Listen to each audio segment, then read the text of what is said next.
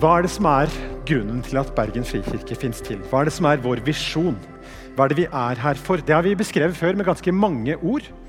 Eh, og så har vi kommet ned til at det kan vi si enklere. Og så har vi sagt ok, det handler om dette her. Å følge Jesus sammen i vår by.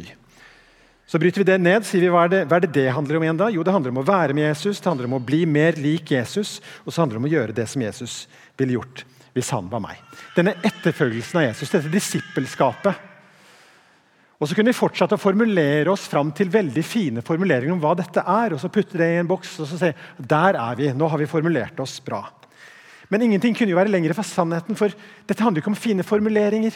Det handler jo om et liv som vi lever sammen med Jesus og sammen med hverandre. Så hvordan ser det ut i praksis? Og For å dykke dypt nok i det, så fant vi ut la oss ta den mest konsentrerte disippelundervisningen som Jesus noen gang holdt. La oss ta bergprekenen og så skal vi ha to taleserier her i Bergen frikirke denne høsten over Bergpreken. Bergpreken er bejubla av mennesker som opphøyd og fantastisk tale. Det er også kanskje den mest bortforklarte talen Jesus noen gang holdt. For det er sterke ord, det er ikke tvil om det, og det skal vi høre i dag. i den teksten vi skal lese sammen. Jesus setter idealet utrolig høyt. Så høyt at det er mange som sier ja, det gjorde han med vilje, bare for at vi skulle skjønne at ikke vi skulle prøve engang. Men jeg tenker det er vel litt for enkelt å bare avskrive bergprekenens ord på den måten. Nikki Gumbel, alfakursets eh, leder, han har sagt at det er ingen som noen gang har gitt verden noen større utfordring enn den Jesus kom med da han gav oss bergpreken. Vi spør hvordan skal vi da leve? Og I første tale i denne taleserien så, så vi på saligprisningene. Vi så at dette, disse ni saligprisningene er ikke ni ulike kategorier mennesker. De barmhjertige på én side og de rene av hjerte på én side. Men det er ni ulike beskrivelser av en kristens karaktertrekk. Det er som en diamant med mange fasetter. Og Så tegnes det en sånn slags visjon av hva det er å være kristen. Og Når vi ser godt etter, så ser vi at det vi ser på, er egentlig et bilde av Jesus. Og så er vi kalt til å følge han. Bli mer lik Jesus. Forrige søndag så talte Chris om at vi er jordens salt og verdens lys. Om at det er bedre å tenne et lys enn å forbanne mørket. og Istedenfor å sitte og klage over alt som er galt i denne verden, så la oss gå i gang og se om ikke vi kan forandre noe av den. Og I dag, i tredje avsnitt fra Bergpreken, så skal vi virkelig la oss utfordre dere. Vi skal få høre om drap og sex og skilsmisse og sinne og hevn og hat. Nei, det er ikke din neste Netflix-serie, men det handler om den tilstanden vi er i som mennesker. Den kulturen vi bor i, og hvordan vi skal være mot hverandre. Forrige gang så jeg om den rulletrappa som er ved inngangen til Tusenfryd. I dag tar vi berg-og-dal-banen. Vi setter oss godt til rette i den der kjerra som tar oss oppover til den første og verste berg-og-dal-banen. Det er bare å feste sikkerhetsbeltet og så henge Sist gang så la jeg opp noen dilemmaer. og Jeg skal legge opp to denne gangen her. Vi kan spørre spørsmålet Hvis jeg er tilgitt 100 for alt jeg har gjort galt Hvis det er sånn at eh, nåden dekker alle syndere jeg har gjort, alle syndere jeg gjør, alle syndere jeg kommer til å gjøre, hvorfor skal jeg da bry meg om budene? Det er på en måte et internt teologisk problem som vi kristne må eh, jobbe med. Og så har vi et eksternt kommunikasjonsproblem. har vi ikke det? Folk flest tror at det handler om å komme til eh, Sankt Peters port en dag når vi dør. og Da vil det handle om om vi har levd godt nok. Og Hvis vi har levd godt nok, så kommer vi til himmelen. og Hvis ikke, så går det galt. Men det er jo feil. Hvis det er sånn at Folk flest tror at vi kristne bare er opptatt av bud og regler, og det ikke det er sånn. Det er ikke budene som frelser oss uansett. Er det ikke da bedre å si at vi lever tross alt i 2022? Er det ikke bedre å tilpasse seg virkeligheten, og så bare avskaffer vi budene en gang for alle? Jesus svarer kontant på det i dagens tekst. Og Vi skal lese sammen fra Matteus 5 og vers 17 til og med 48. Det er 32 vers. La oss gå i gang.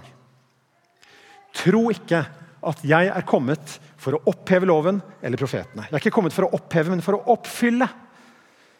Sannelig, jeg sier dere. Før himmel og jord forgår, skal ikke den minste bokstav eller den eneste prikk i loven forgå før alt er skjedd. Den som opphever et eneste av disse minste budene og lærer menneskene å gjøre dette, skal regnes som den minste i himmelriket. Men den som holder dem og lærer andre å gjøre det samme, skal regnes som stor i himmelriket. Ja, jeg sier dere, Dersom ikke deres rettferdighet langt overgår de skriftlærdes og fariseernes, kommer dere aldri inn i himmelriket. Dere har hørt det sagt til forfedrene. Du skal ikke slå i hjel. Den som slår i hjel, skal være skyldig for domstolen. Men jeg sier dere, den som blir sint på sin bror, skal være skyldig for domstolen. Den som sier til sin bror 'din idiot', skal være skyldig for det høye råd. Og den som sier 'din ugudelige narr', skal være skyldig til helvetes ild. Om du bærer offergaven din fram til alteret og der kommer til å tenke på at din bror har noe imot deg, så la gaven ligge foran alteret og gå først og bli forlikt med din bror. Så kan du komme og bære fram offergaven din. Skynd deg og komme overens med motparten din mens du ennå er sammen med ham på veien. Ellers vil motparten din overgi deg til dommeren og dommeren til vakten, og du blir kasta i fengsel. Sannelig, jeg sier deg, du slipper ikke ut derfra før du har betalt til siste øre. Dere har hørt det er sagt du skal ikke bryte ekteskapet. Men jeg sier dere, den som ser på en kvinne for å begjære henne, har alt begått ekteskapsbrudd med henne i sitt hjerte. Om ditt høyre øye lokker deg til fall, så riv det ut og kast det fra deg. For det er bedre for deg å miste en kroppsdel enn at hele kroppen blir kastet i helvete. Og om din høyre hånd lokker deg til fall, så hugg den av og kast den fra deg, for det er bedre for deg å miste en kroppsdel enn at hele kroppen kommer til helvete. Det er sagt. Den som skiller seg fra sin kone, skal gi henne skilsmissebrev. Men jeg sier dere, den som skiller seg fra sin kone av noen annen grunn enn hor, han blir skyld i at det begås ekteskapsbrudd med henne. Og den som gifter seg med en fraskilt kvinne, bryter ekteskapet. Dere har også hørt deg sagt til forfedrene du skal ikke sverge falskt, og du skal holde det du har lovet Herren med ed. Men jeg sier dere, dere skal ikke sverge i det hele tatt, verken ved himmelen, for det er Guds trone, eller ved jorden, for det er hans fotskammel, eller ved Jerusalem, for det er den store kongens by. Sverg heller ikke ved ditt hode, for du kan ikke gjøre et eneste hårstrå hvitt eller svart. La ja være ja og nei være nei. Alt som er mer enn det, er av det onde. Dere har hørt det er sagt øye for øye og tann for tann. Men jeg sier dere, sett dere ikke til motverge mot den som gjør ondt mot dere. Om noen slår deg på høyre kinn, så vend også det andre til. Vil noen saksøke deg og ta skjorten din, så la ham få kappen også. Om noen tvinger deg til å følge han én mil, så gå to med han. Gi til den som ber deg, og vend ikke ryggen til den som vil låne av deg. Dere har hørt deg sagt, du skal elske din neste og hate din fiende. Men jeg sier dere, elsk deres fiender. Velsign den som forbanner dere. Gjør godt mot dem som hater dere, og be for dem som mishandler dere og forfølger dere. Slik kan dere være barn av deres far i himmelen. For han lar sin sol gå opp over onde og gode, og lar det regne over rettferdige og urettferdige. Om dere elsker dem som elsker dere, er det noe å lønne dere for? Gjør ikke tollerne det samme? Og om dere hilser vennlig på deres egne, er det noe storartet? Gjør ikke hedningene det samme? Vær da fullkomne slik deres himmelske Far er fullkommen. Der hvor jeg vokste opp, var det fantastisk utsikt ned mot en fjord.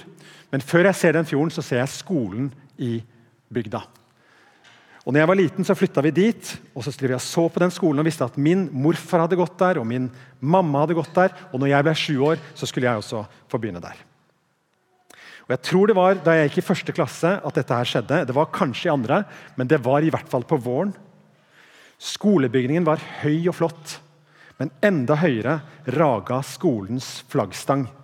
Og den klarte jeg å ødelegge, og det er bare noen uker før 17. mai.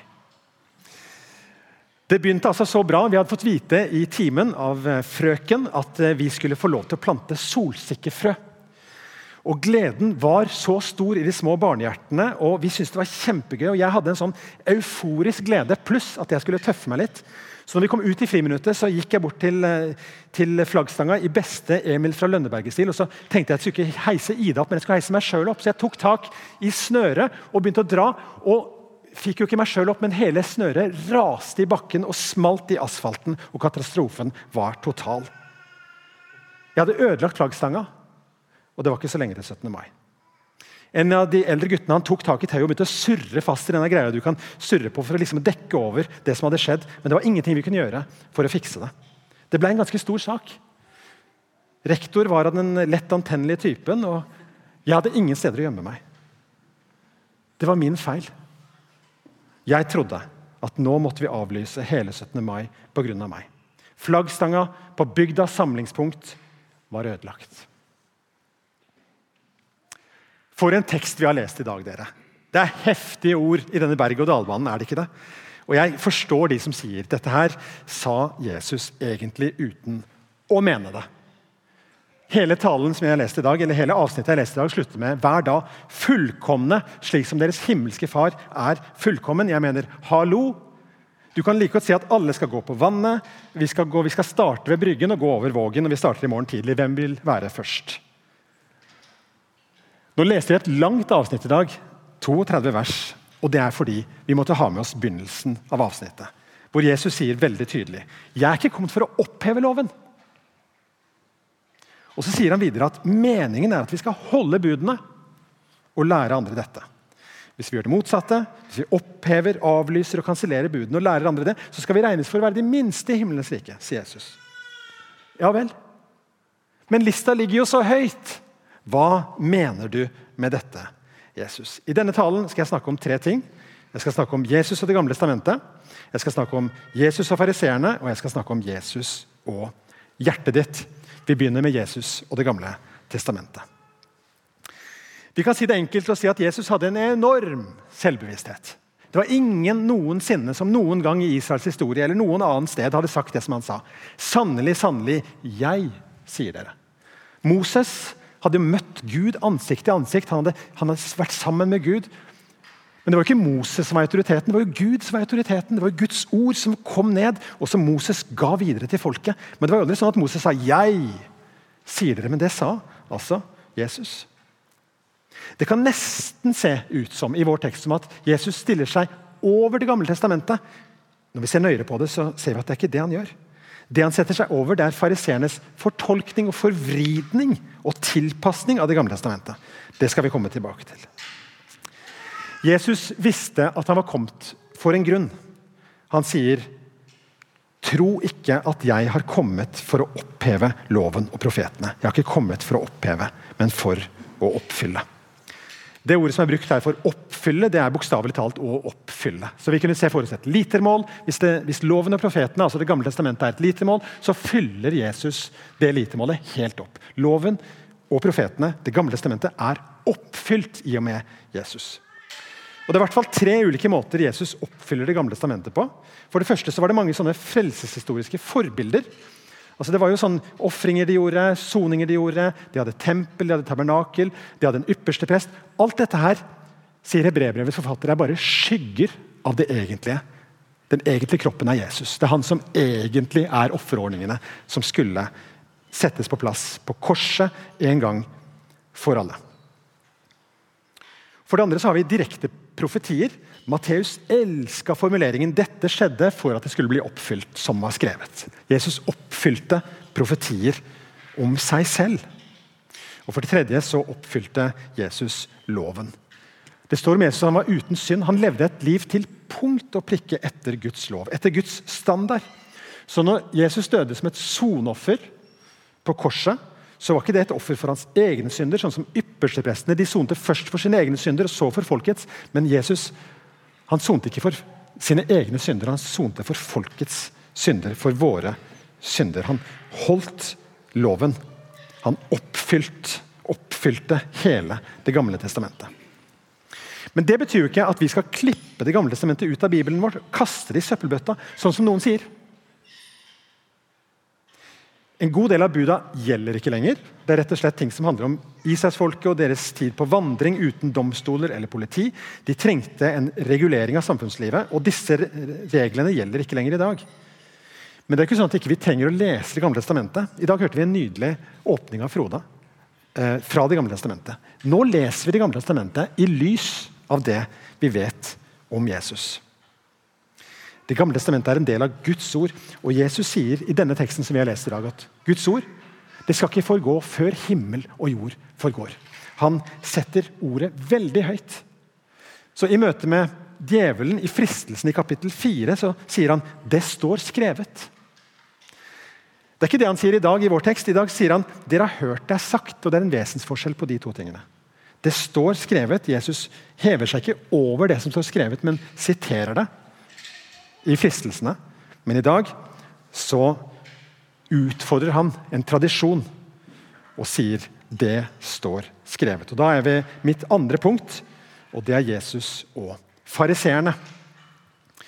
Og Da er det jo en sånn ny, sånn heftig eh, uttalelse fra Jesus. Um, Dersom ikke deres rettferdighet langt overgår de skriftlærdes og fariseernes, kommer dere aldri inn i himmelriket. Og Det er jo nesten helt umulig å forstå, for fariseerne var jo eksperter på loven. Og de var jo kjempeflinke til å holde budene. Av og til sier vi ja, de var hyklere, for de gjorde ikke det de sa. Men da er vi egentlig litt sånn da med, da, ikke, da leser vi ikke historien riktig. For fariseerne var pliktoppfyllende, og de fylte, de fylte, loven så langt de kunne. Men problemet til fariseerne var at de hadde justert loven til et sånt nivå at de kunne holde det. Og så hadde de en streng fortolkning av det, så at nå har jeg holdt det. Og så så de ned på alle de som ikke klarte å holde reglene. De omtolka det sånn som det passa de, og så levde de opp til den standarden, og så, så var det good. Men vår rettferdighet skal langt overgå fariseernes og de skriftlærdes. For å forklare hva Jesus mener med det, så gir han oss seks tese-antiteser i det avsnittet vi har lest. Og Dette er disse som følger den formelen. Dere har hørt det sagt, men jeg sier dere. Her har vi et eksempel på en sånn. Disiplene og folket hadde hørt sagt. Det var fariseernes fortolkning. Og Den siste av disse seks som vi har i vårt avsnitt, den lyder sånn Du skal elske din neste og hate din fiende. Og Det høres jo fromt ut når du er okkupert. At vi skal hate dem. Det er en, det er en borgerplikt for en god israelitt og en from israelitt. så er det en borgerplikt å hate våre fiender. Israel hadde alltid vært omgitt av fiender, og selvfølgelig skal vi som fromme, gode jøder hate fiendene våre. Problemet er at Det står ikke noe om det i Det gamle testamentet. Det står ingen sted i Det gamle testamentet. Det som står i Det gamle testamentet, er det første. Du skal elske de neste. To steder i Det nye testamentet sier Jesus akkurat det samme. Du skal elske de neste som deg selv. Men han sier altså aldri du skal hate din fiende. og Det er ikke plukka opp noe sted i Det gamle testamentet. Tvert imot så utfordrer Jesus oss kolossalt når han sier nei. Det dere skal gjøre, det er å elske deres fiender. Den romerske okkupasjonsmakten var brutal. Uten grunn så kunne de gå inn og så kunne de si jeg tvinger deg til å gå med meg en mil, for jeg vet ikke veien her. Og Da måtte du bli med han. Ellers gikk det galt. Og Da sier Jesus ja, ja, bli med han den mila. Og så sier du jeg kan bli med en mil til. Det var Jesu holdning. Vi skal ikke, vi skal ikke hevne oss. Ikke øye for øye, tann for tann. Nei. Det står det i Det gamle testamentet. Det var en del av regelverket i, gamle, i den gamle pakt, men ikke sånn med dere. Stans voldsspiralen. Ikke gjengjeld det onde med det onde, men gjengjeld det onde med det gode. Den standarden vil jeg dere skal ha. Ja, men Skal vi ikke få hate romerne engang? De tyranniserer oss. Er ikke det det vi skal? Nei. Og Jesus levde det ut sjøl. Kort tid seinere hang han på et romersk kors. Og Da sa han, 'Forlat dem, far, for de vet ikke hva de gjør'. Den første kristne martyr, Stefanus, han sa idet han sovna inn, 'Far, tilregn dem ikke denne synd'. Ja, Men er ikke dette umulig? Er ikke dette for mye å kreve av oss? Jeg husker jeg så et klipp fra en uh, egyptisk nyhetssending en gang. Egypt er et land hvor de kristne er minoritet, ca. 10% av befolkningen. og De har gjennom århundrene opplevd mye trakassering og forfølgelse. Og i det siste også terroraksjoner. Og På dette klippet er det en enke som blir intervjua. En enke etter en mann som er drept i en terroraksjon. Sitter der og gråter. Og så sier hun til kamera Jeg takker dere. Dere har sendt mannen min til et bedre sted, henvendt til terroristene. Jeg skulle ønske han var her sammen med meg, men jeg hater ikke dere som har gjort dette. Jeg tilgir dere. Og Så klippes det over til nyhetsankere som sitter og sier Hva er det med egyptiske kristne? Jeg kunne aldri sagt det hvis det var min far som var tatt livet av. Denne tilgivelsen, Hvor mye tilgivelse har dere egentlig? Dere egyptiske kristne. Han sånn, løfta henne opp og sa at dette her er måten å tenke på for vår nasjon. Elske istedenfor å hate. Vende andre kinnet til når noen slår deg. Hvordan kan det være mulig? Stiller ikke Jesus for store krav til oss? Et eksempel til. Dere har hørt deg sagt til forfedrene du skal ikke slå i hjel. Den som slår i hjel, skal være skyldig for domstolen. Men jeg sier til dere, den som blir sint på sin bror, skal være skyldig for domstolen. Den som sier til sin bror 'din idiot', skal være skyldig for det høye råd. Og så videre. Dette her var jo et bud som fariseerne syntes det var greit å forholde seg til. De hadde jo ikke drept noen. Og Det hadde vi ikke tenkt å gjøre heller. Det er en standard som vi kan leve opp til. Den, den parkerer vi. Den har vi gjort. Tick off the box. Litt Senere i historien så vet vi at de hadde veldig behov for å ta livet av Jesus. og Da fikk de noen andre til å gjøre det dirty job. Det var sånn de holdt på. De hadde en sånn forståelse av at loven den skal vi klare å holde. I hvert fall. Men Jesus han sier at vet du hva, du kan drepe på veldig mange forskjellige måter. Dette her handler om hjertet ditt. Tar du livet av folk med orda dine? Og I dag så vet jo vi at eh, ord som vi sier til hverandre, ord som barn sier til hverandre, utestengelse og avvisning, det tar liv.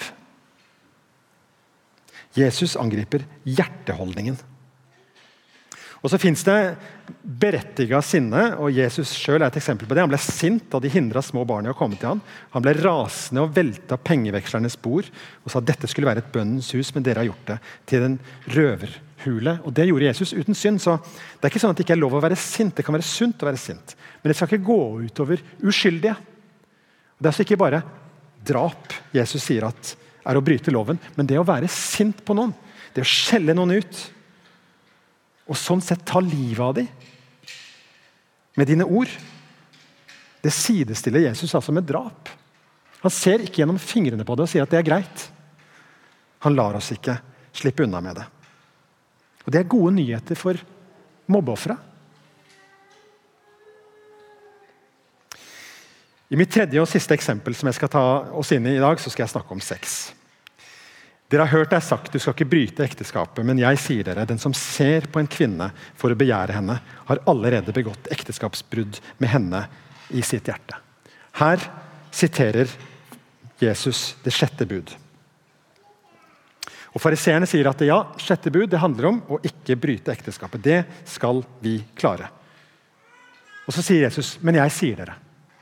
Og så sier han at det er noe som går dypere her enn en sånn formell lovoppfyllelse. Og Det handler om hva som foregår i hjertet ditt. Den som ser på en kvinne for å begjære henne, har alt begått ekteskapsbrudd med henne i sitt hjerte. Og Med det er jeg ved mitt tredje og siste punkt. Jesus og hjertet ditt.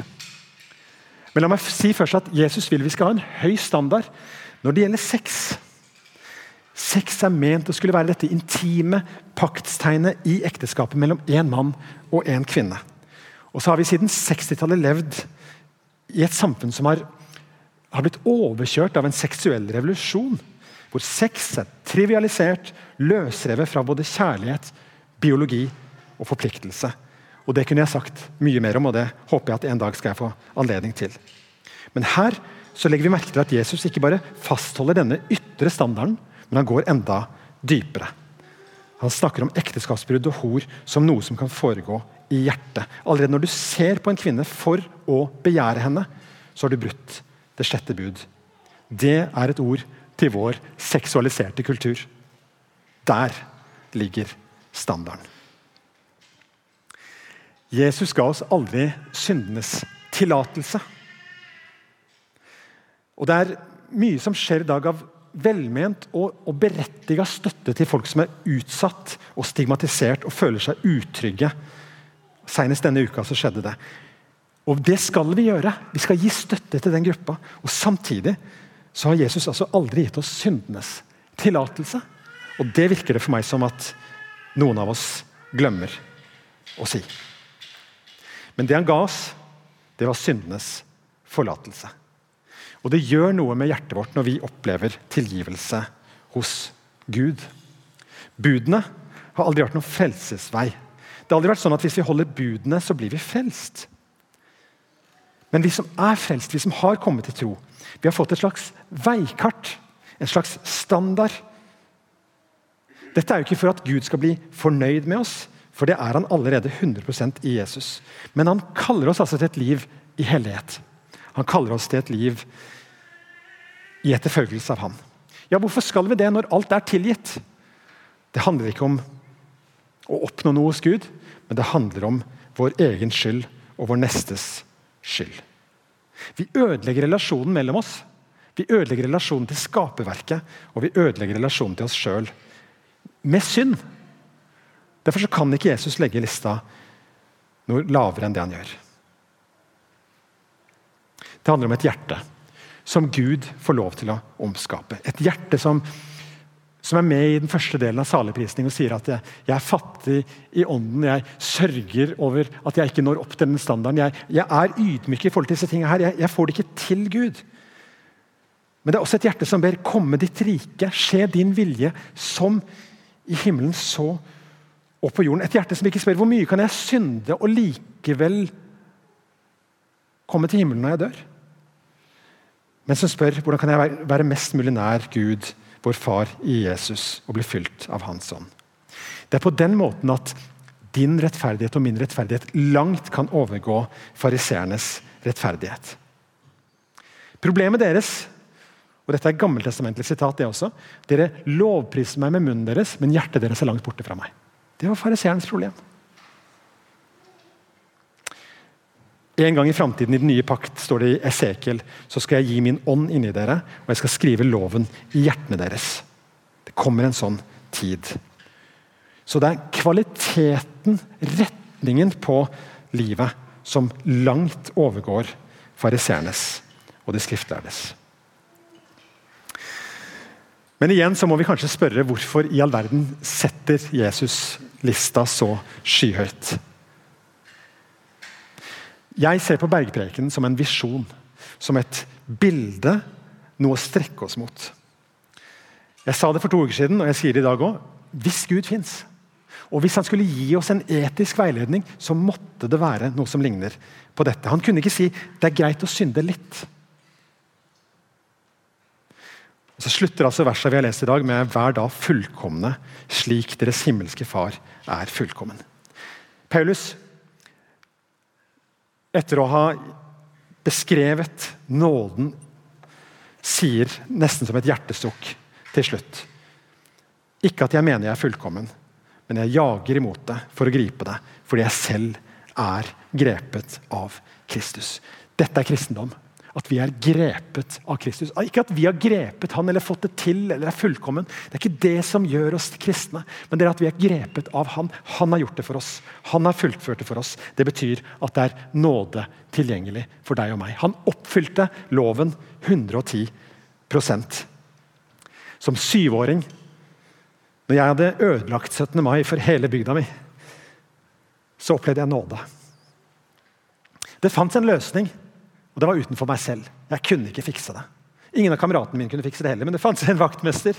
Han, eh, han bodde litt langt unna, så det var, en, det, var en, det var, en, pris å betale for ham. Han måtte ta det på en lørdag. Han måtte reise inn der en dag det ikke var skole, og så måtte han legge hele flaggstangen ned. Jeg visste ikke at det var mulig engang. Jeg trodde at nå er alt kjørt, for det fins ikke så lange stiger. Men han la altså flaggstanga helt ned, fiksa toppen, dro opp tråden, og det blei 17. mai. Ikke bare det, men Læreren sa har, har du Tor Erling, lyst til å lese et dikt på 17. mai. Så Sjuåringen sto der, deklamerte utenat. Fagert er landet, sikkert fordi det heter Fagermoen til etternavn. Du og skav, og i siste linje i det verset så står det Såleis de åsyn lyser Gud over vårt Noreg. I nåde.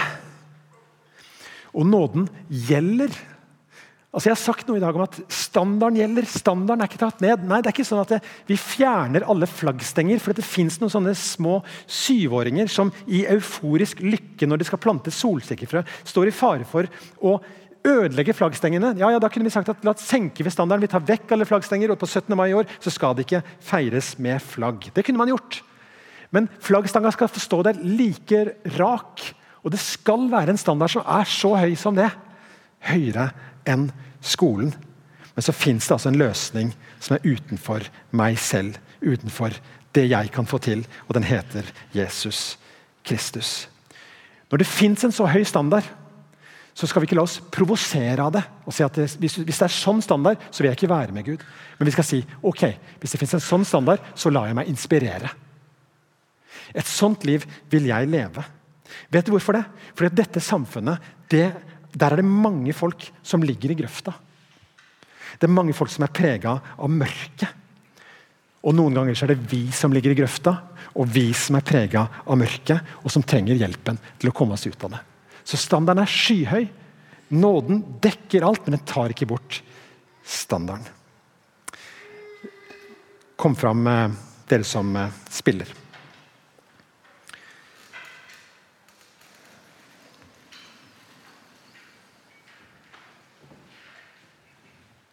Kjenner jeg at jeg har brukt mange ord, og at det var et langt avsnitt i dag. Og jeg vet heller ikke om jeg har klart å forklare alt. Men jeg hadde lyst til å invitere deg inn til å se på det bildet av den visjonen som egentlig ikke handler om deg eller meg og hva vi kan få til, men hva Jesus har fått til. På to måter. Han har oppfylt loven for oss, og så har han gitt oss en standard og sagt vet du hva? Hvis noen klarer jeg sier ikke at alle klarer det, men hvis noen klarer å elske fiendene sine, så kommer verden til å bli forandra. Da kommer Midtøsten til å bli forandra. Hvis vi slutter å hevne oss på hverandre. Hvis vi slutter å begjære hverandres kropper, men istedenfor heier på hverandre og setter hverandre fri, så er det en annen standard. Vil dere være med på den drømmen, på det ønsket? Jeg har lyst til å be en bønn. Jesus, jeg takker deg av hjertet for din død på korset, som sonte for alt jeg ikke fikk til, og alt vi ikke fikk til. Hjelp oss til å formidle det med tydelighet og klarhet til denne verden. At det er det det handler om. Takk for at du inviterer oss Herre, inn i en visjon om et annerledes folk, om et annerledes rike. Og hjelp oss til å hjelpe hverandre. Også når mørket og nederlagene og smerten rammer oss.